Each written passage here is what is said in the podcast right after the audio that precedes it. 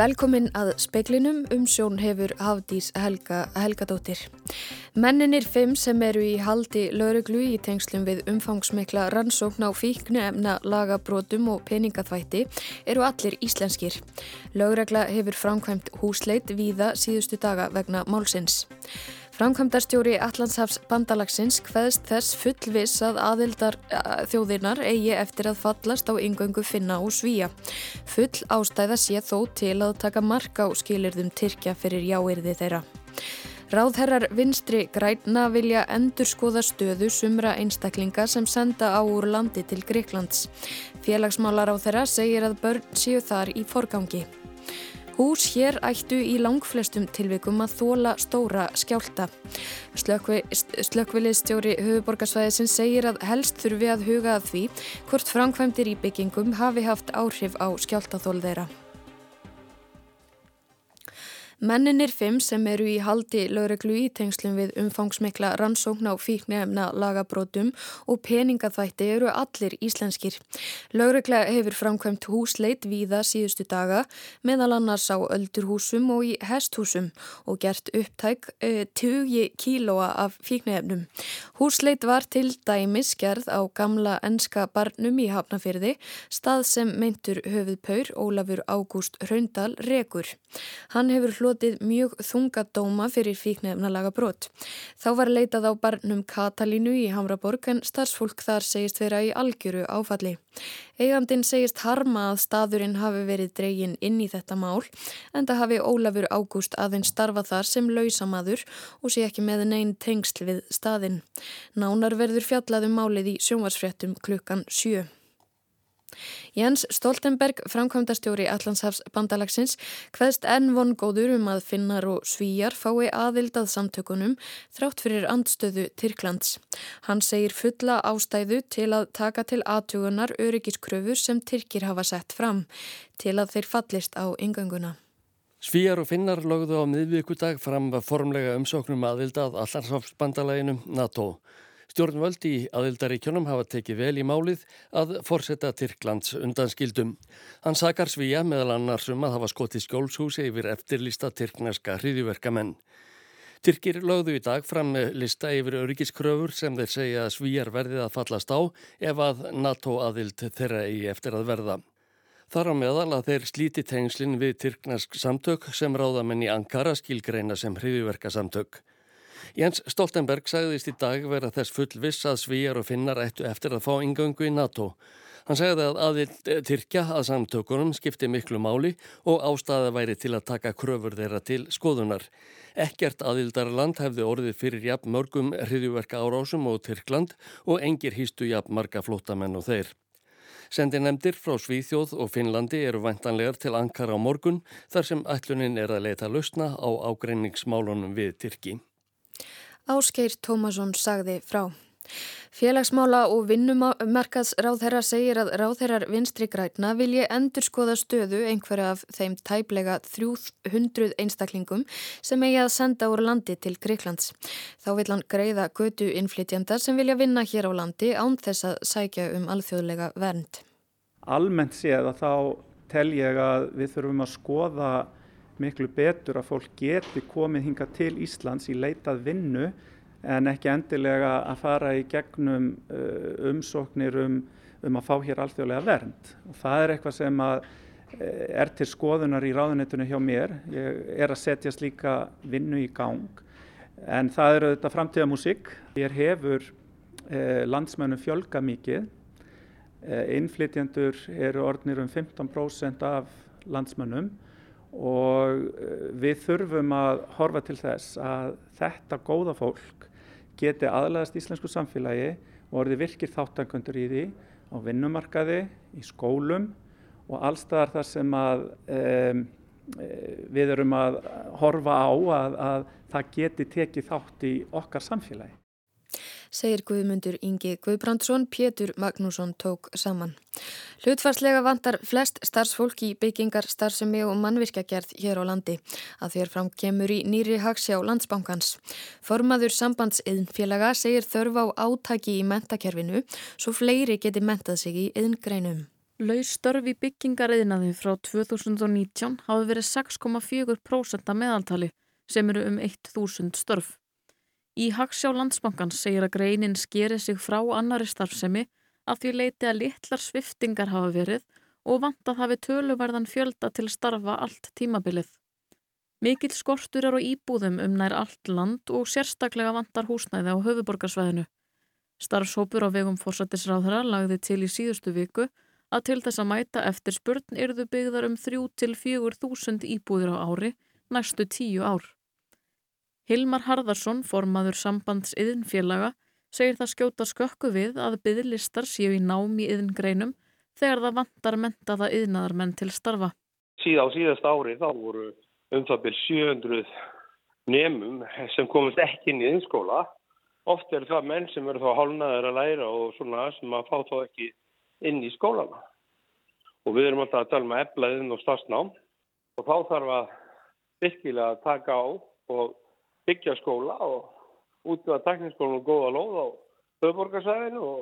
En upplifir þú þá þannig að það væri sem sagt hægt að fylla í þessu lausu störfi byggingariðnaðinum á næstu árum? Eða að það verði ekki þannig að það verði hreinlega skortur á fólki? Já, ég menna ef það eru 700 mann sem vilja læra til okkar greina þá myndi það nú létta verulega undir með að þá þurft að flytja inn minna vinnuða.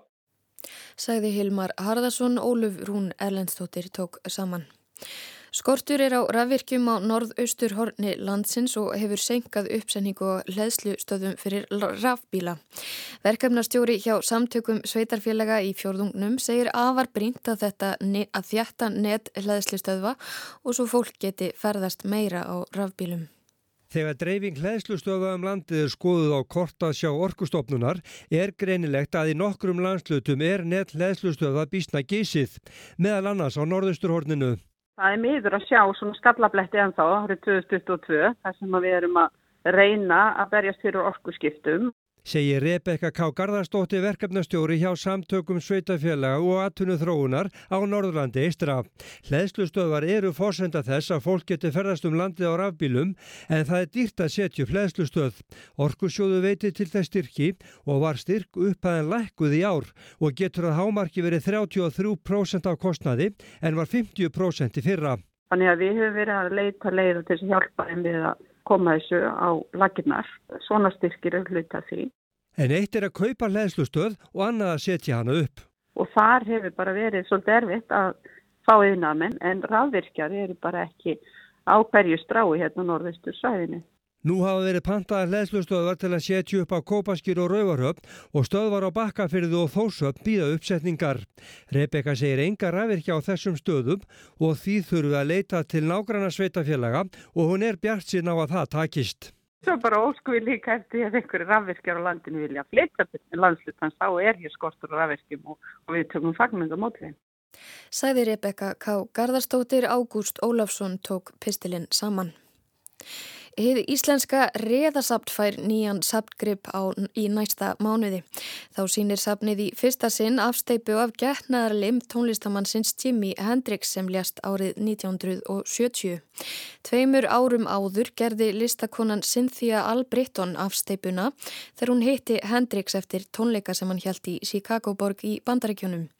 Hann var ekki eini tónlistamæðurinn sem var þess heiðus aðnjótandi því Albritton gerði afsteipur af getnaðarlim limum fleiri uppáhalds tónlistamanna sinna þegar fræð þeirra reys sem hæst. Árið 2000 helt hún síningu á afsteipum sínum á listasafni í New York. Fólk sem tengist Albritton kom á reðursafnið í fyrra og leiti það til þess að hún gaf safninu afsteipuna af Lim Hendrix skömmu fyrir dauðasinn.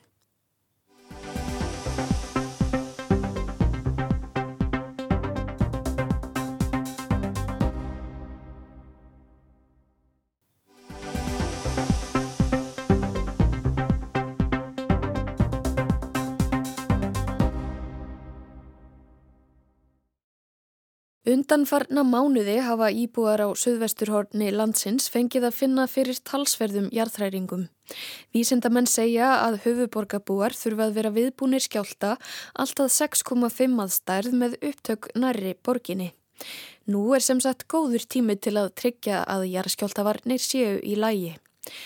Við þekkjum flest þá velkveðinu vísu að festa þurfi skápa, hillur og aðra innanstokksmunni. Ekki stilla þungum munum ofarlega í hillur eða á veggi nema þeir séu kyrfilega festir og ekki sofa með neitt þungt yfir rúminu, svo eitthvað sé nefnt. En hvað með húsin sjálf? eru húsin okkar nógu sterk til að þóla jarðskjálta upp að 6,5 svo nálægt höfuborgarsvæðinu. Jón Viðar Matjasson, slökkviliðs stjóri höfuborgarsvæðisins og burðarþólsverkfræðingur, segir að alla jafna ættu hús á höfuborgarsvæðinu að geta staðið slíkan skjálta af sér. Það mikilvægst að varðandi byggingar, eldri sem og nýri, ef þú ert að gera einhverja breytingar á byggingunni, ég tala ekki um burðavirkinu, að fara þá í gegnum uh, byggingaföldru og með þær breytingar. Það getur vel verið að þær breytingar hafi áhrif á þá jarðskjöldaþól byggingarnar. En aftur möndur svona dagstaglega ef þú ert ekki að gera neina breytingar byggingunni þá er náttúrulega mikilvægst fyrir húseigundur og, og íbúa að huga bara að svona innviðum byggingarnar. Það er vunur ætti áherslan að vera ef byggingin er eins og byggingarleifið hviður áum. Já og taland um byggingarleifið þau hafa sífælt orðið svona strángari og reglur einhvern veginn krafist meira af húsunum og hvernig þau eru uppbyggð. Sko ef við förum bara alveg aftur, hundra ára aftur í tíman, e, það eru sannlega fullt af húsum sem að fólk býr í sem eru orðin hundra ára gömul eða eldri, eiga þau að þóla skjálta upp á kannski 6,5 svona nálægt höfuborgarsvæðinu? Nú alltaf erfitt að fullir það en það hefur verið gerðar svona kannanir og úttektir á þessu og uh, upptökin hafa mikið að segja og fjalla frá upptökum. Og að villan þannig til á höfubókarsvæðinu að eldri byggingar og við tala ekki um byggingar eins og þú ert að nefna sem eru, eru 100 ára og eldri þær eru svona fjærst í raun og upptökunum. Þannig að það er ávinningur í því En við höfum náttúrulega í gegnum tíðina hér á Íslandi alltaf haft í, í bakhauðinu jarðskjálta. En síðan hafa náttúrulega komið inn staðlar sem hafa verið að breytast og, og uh, aukna kröfur hafa verið að koma inn og uh, það er náttúrulega bara mjög jákvæmt. Er einhverju ástæði til þess að fólk hafi raunverulega samband við byggingafulltrú og láti taka út húsin sín með þetta í huga eh, ef það hefur ekki verið að gera breytingar á þeim? Ég held svona fyrsta nálgun gæti náttúrulega verið svo bara ef að fólk er einhver óörugt og telur að það verið gerð einhver breyting á húsnæðinu út frá e, eh, bingalefi að hafa bara samband við einhverja verkræðastöðu mm.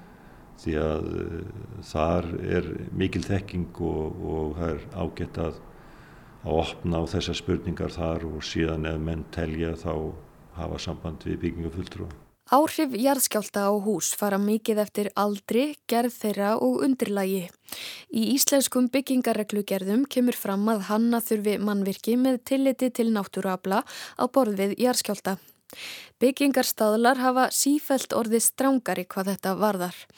Nýjustu staðlar gera kröfur um að húsin þóli talsvert meiri reyfingu en þá sem gæti verkað á hús af svo stórum skjálta í brennisteinsfjöllum. Máli skiptir að þau hús sem byggð voru áður en byggingarreglugerðir urðu svo strángar eru flest fremur lítill. Eftir því sem mannvirki er hærra og þingra er meiri hætta á áhrifum af völdum jarðskjálta. Jón Viðar segir svo einnig greinilegt að þó reglugerðir hafi ekki alltaf verið til staðar, hafi meðvitund um skjáltahættuna verið að og húsin sem ennstanda byggð með tilliti til þess. Það er doldið það sem að blasir til þess bara við okkur við að húsin hafa ekki verið að hrinja og svo náttúrulega eru eldri byggingar ekki marga hæðir, heldur við frekar láreista byggingar sem eru þá stuðar í, í jarðskjálta heldur en kannski aðrar. Svo höfum við gengið í gegnum alls konar mismunandi tímabili í gæðum á steipu og, og hérna, því efni sem er notað í húsin okkar. Er eitthvað ákveði tímabil sem er svona viðkvæmara í byggingasögu húsa á Íslandi heldur en önnur? Nei, í raunur vilja menn ekki halda þið fram en uh, það sem er svona grunnurinn í öllu þessu og uh, bæði okkar helstu fræðimenn í háskólanum og í byggingarstöðlum og við tala ekki um verkvæðingarstjettin uh, hefur bara verið að vaksa ásmegin þekking á þessu verkefni og kröfur hafa verið að aukast og, og menn eru að hugsa alla byggingar út frá jarðskjaldum og sumir velta fyrir sér ef ég á heima í einhverju blokk nær upptökum og hún sveiblast óþægilegt en það er hluti raunur af burðaverki húsins einhvern veginn að dempa út reyfinguna þannig að sveiblunar eru hluti af jarðskjálta vörninni Eh, við þekkjum til dæmis núna í dag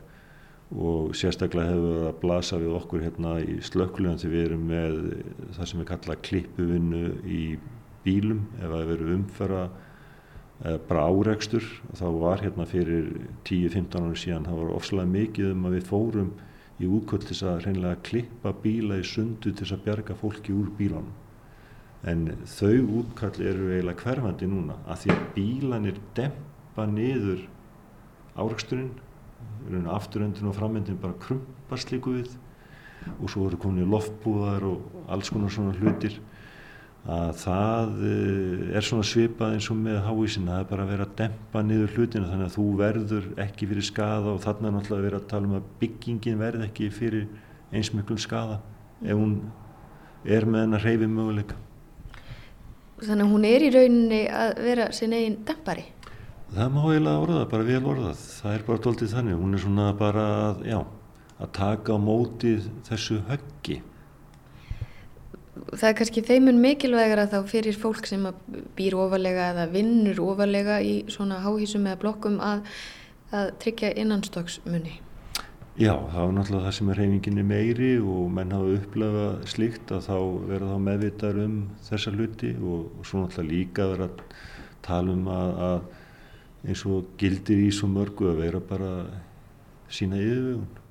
Þó það geti vissulega verið ókveikjandi að vera ofarlega í hári byggingu sem sveiplast fram og tilbaka og fyrsta hugsun gæti verið að hlaupa af stað út úr byggingunni er það ekki ráðlegt. Mörgslís hafa orðið við það eitt. Mælt er með því að fara undir borð eða rúm og verja höfuð og háls. Einnig er hægt að krjúpa í horni við burðarvegg eða í hurðarópi við burðarvegg. Gott er að halda sig frá klukkum því búa smá við að gler gæti brotnað. Þess vegna eittu rúm heldur ekki að vera undir klukkum. Sjálfgeft er að fólk slasist í jarðskjaldum hér á landi og er það þá oftar vegna lausamuna. Jón Viðar segir að það ætti að vera forgangsadriði að tryggja innanstokksmunni jamt á vinnustöðum og á heimilum. Það eru hérna inn á heimasíðum almanvarna á ymsa ráleikingar hvað er hægt að gera til þess að varandi forvarnir. Það eru góða ráleikingar hvað átt að gera ef það kemur unnur skjálti. Þannig að bara kynna sér þetta og fara inn á heimasíðuna. Eh, svo náttúrulega líka búið við það kerfi að veðurstofan er vakandi yfir þessum reyfingum og lætur vita í góðan, góðum tíma hvað þarf að gera, hvað menn sjá fyrir sér. Eh, menn hafa ekki talið verið að þörfa á einhverju íbúafundum á höfubóksvæðinu, það er ekki verið talið þörfa íbúafundum í Reykjanesbæ, fókusin er núna á Grindavík og hvort að það breytist auðvitað bara að fá komið ljós en kerfið okkar er að virka þannig að fólk getur alveg rólegt. Það er okkar besta fólk að vakta þetta og það er afskaplega færi einstaklinga líka í að greina og meta hvort það þurfi að vera með eitthvað viðbrað þannig að það er kerfi sem tekur á þessu. Eru þið tilbúin? verðum ekki að vera tilbúin bara svo verður þetta bara eiginlega að koma til manns og svona eitt af því mikilvægsta í e, þessum fræðum er að gefa sér ekki þær fórsendur að síðasta atvik verður mótandi fyrir næsta atvik eins og við komum til dæmis fram hjá jarðaðirisfæningum og öðrum fræðumenn núna að elgósið sem að er jafnvel mögulega geti komið er ekkert endilega eins og síðasta elgós mm. þannig að vera alltaf tilbúin í þennan margbreytileika og ekki vera fullmótaður í því að það sé alltaf eins og síðasta verkefni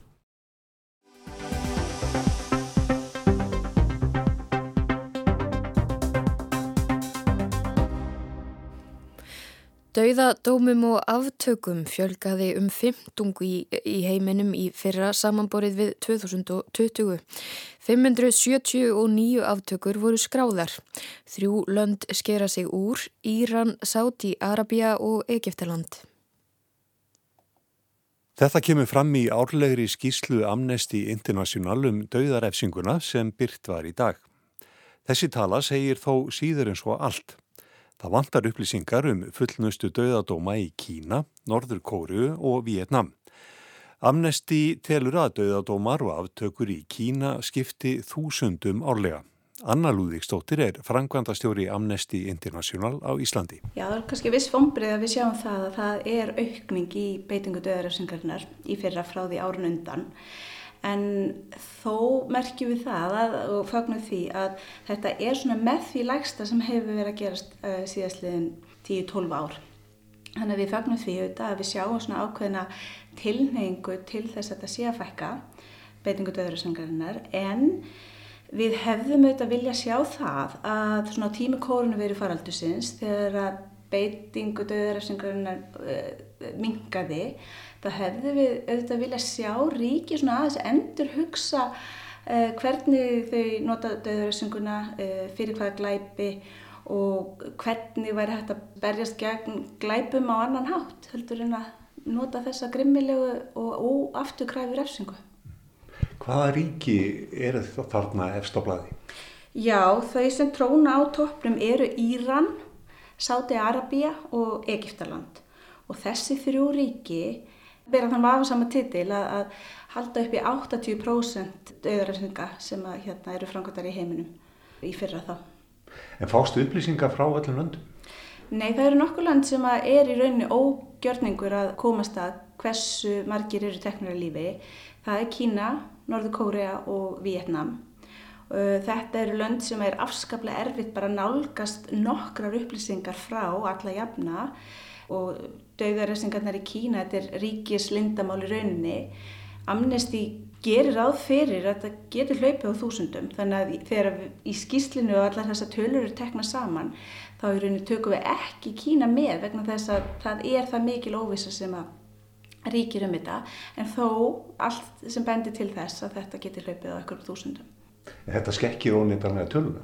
Þetta skekkir niðurstöðunar því að í fyrra þá voru 579 skráðar aftökur í heiminum.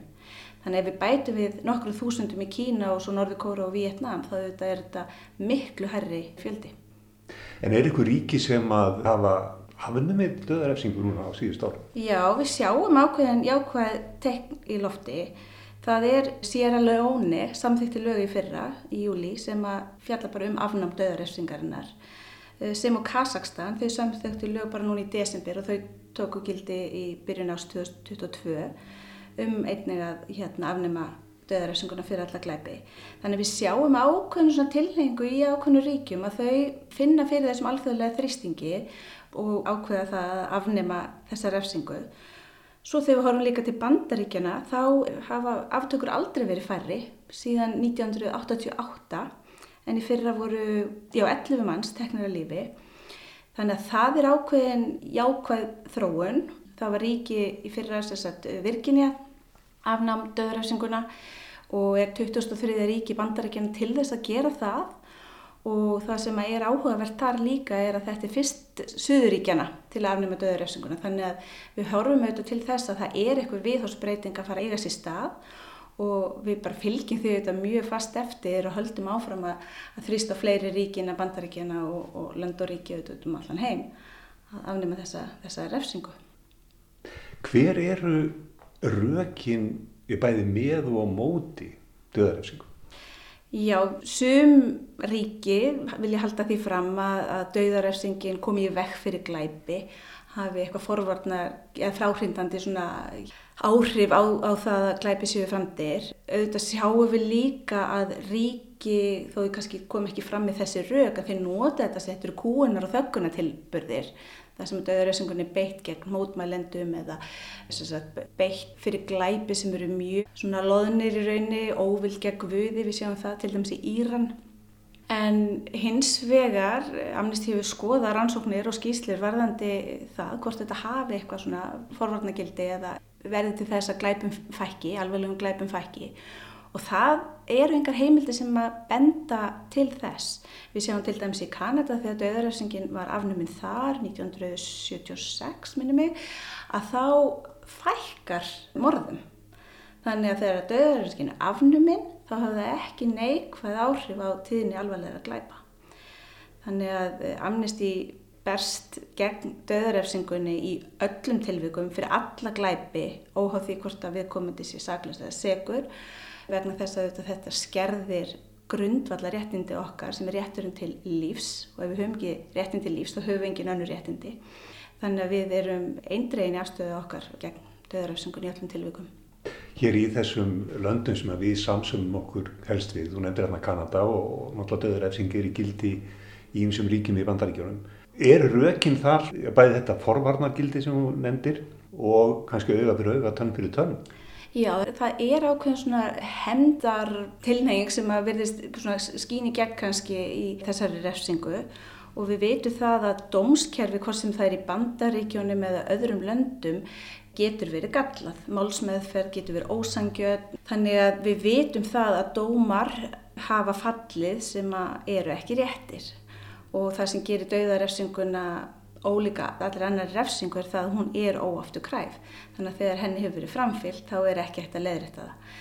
Þannig að við lítum svo á að þetta auga fyrir auga og tönn fyrir tönn er alls ekki rétt á sér en það er algjörlega óaftu kræf refsing. Hver sínist þér þróunin vera? Mjakast ykkar málstæður hægt og hægt áfram? Já, við finnum fyrir því, eins og ég segja þarna upp að þó að það hafi verið ákveðin fjölgun frá því fyrra þá er þróunin jæmt og þétt svo að aftökum er að fækka.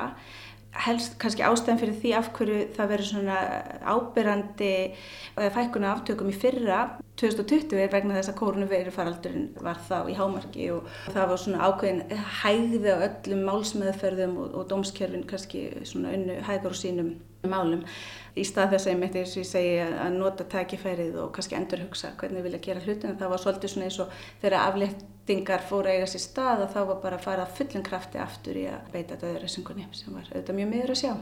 Hefur ykkar starf áhrif? Ég hef fullt að tróða því. Alþjóðlega þrýstingu skiptir rosalega miklu máli bæði þegar einstaklingur, hinn almenni borgari tekur sér saman og, og skrifar undir um ákall til yfirvalda hvar sem þau eru í heiminum um að gera umbætur og, og, og bæta sig í mannreitnda málum, hvort sem það döður efsingin eða eitthvað annað. En svo auðvitað er amnesti líka beita sig innan saminuð þjóðana og mannreitnda ráðsins þar og Evrópuráðsins og fleiri, fleiri alþjóðlegum stopnunum. Þannig að það skiptir líka gríðarlega máli að við eigum samtal við þessar stóru stopnunir þannig að mannreitnda máli er framgang þar. Þá eru það veðurhorfur næstu daga, norðlæg átt og skíjað norðan til á femtudag en bjart viðri siðra. Hægur vindur frá förstu degi til mánudags og víða létt skíjað en skíjað eða þókuloft við suðvestur og vestur ströndina. Hlínar í veðri. En það var helst í speiklinum að menninir fimm sem eru í haldi lögreglu í tengslum við umfangsmikla rannsókn á fíknefnalagabrótum og peningaþvætti eru allir íslenskir. Lögregla hefur framkvæmt húsleit víða síðustu daga vegna málsins. Framkvæmdastjóri Allandshafs bandalagsins hveðst þess fullviss að aðildar þjóðirnar eigi eftir að fallast á yngöngu finna og svíja. Full ástæða sé þó til að taka marka á skilirðum Tyrkja fyrir jáirði þeirra. Ráðherrar vinstri græna vilja endur skoða stöðu einhverja einstaklinga sem á að senda úr landi til Greiklands. Félagsmálar á þeirra segir að börn séu þar í forgangi. Hús hér ættu í langflestum tilvikum að þóla stóra skjálta. Slökkviliðs stjóri höfuborgar svæðisins segir að helst þurfi að huga að því hvort framkvæmdir á byggingum hafi haft áhrif á skjáltaþól þeirra. Hlutvarslega vantar flest starfsfólki í byggingarstarfsemi og mannvirkjagerð hér á landi að því er framkemur í nýri hagsjá landsbanka. Formaður sambands yðnfélaga segir þörf á átaki í mentakerfinu svo fleiri geti mentað sig í yðngreinum. En fleira er ekki í speiklinum í kvöld. Tæknimaður í útsendingu var Markus Hjaldarsson. Verðið sæl.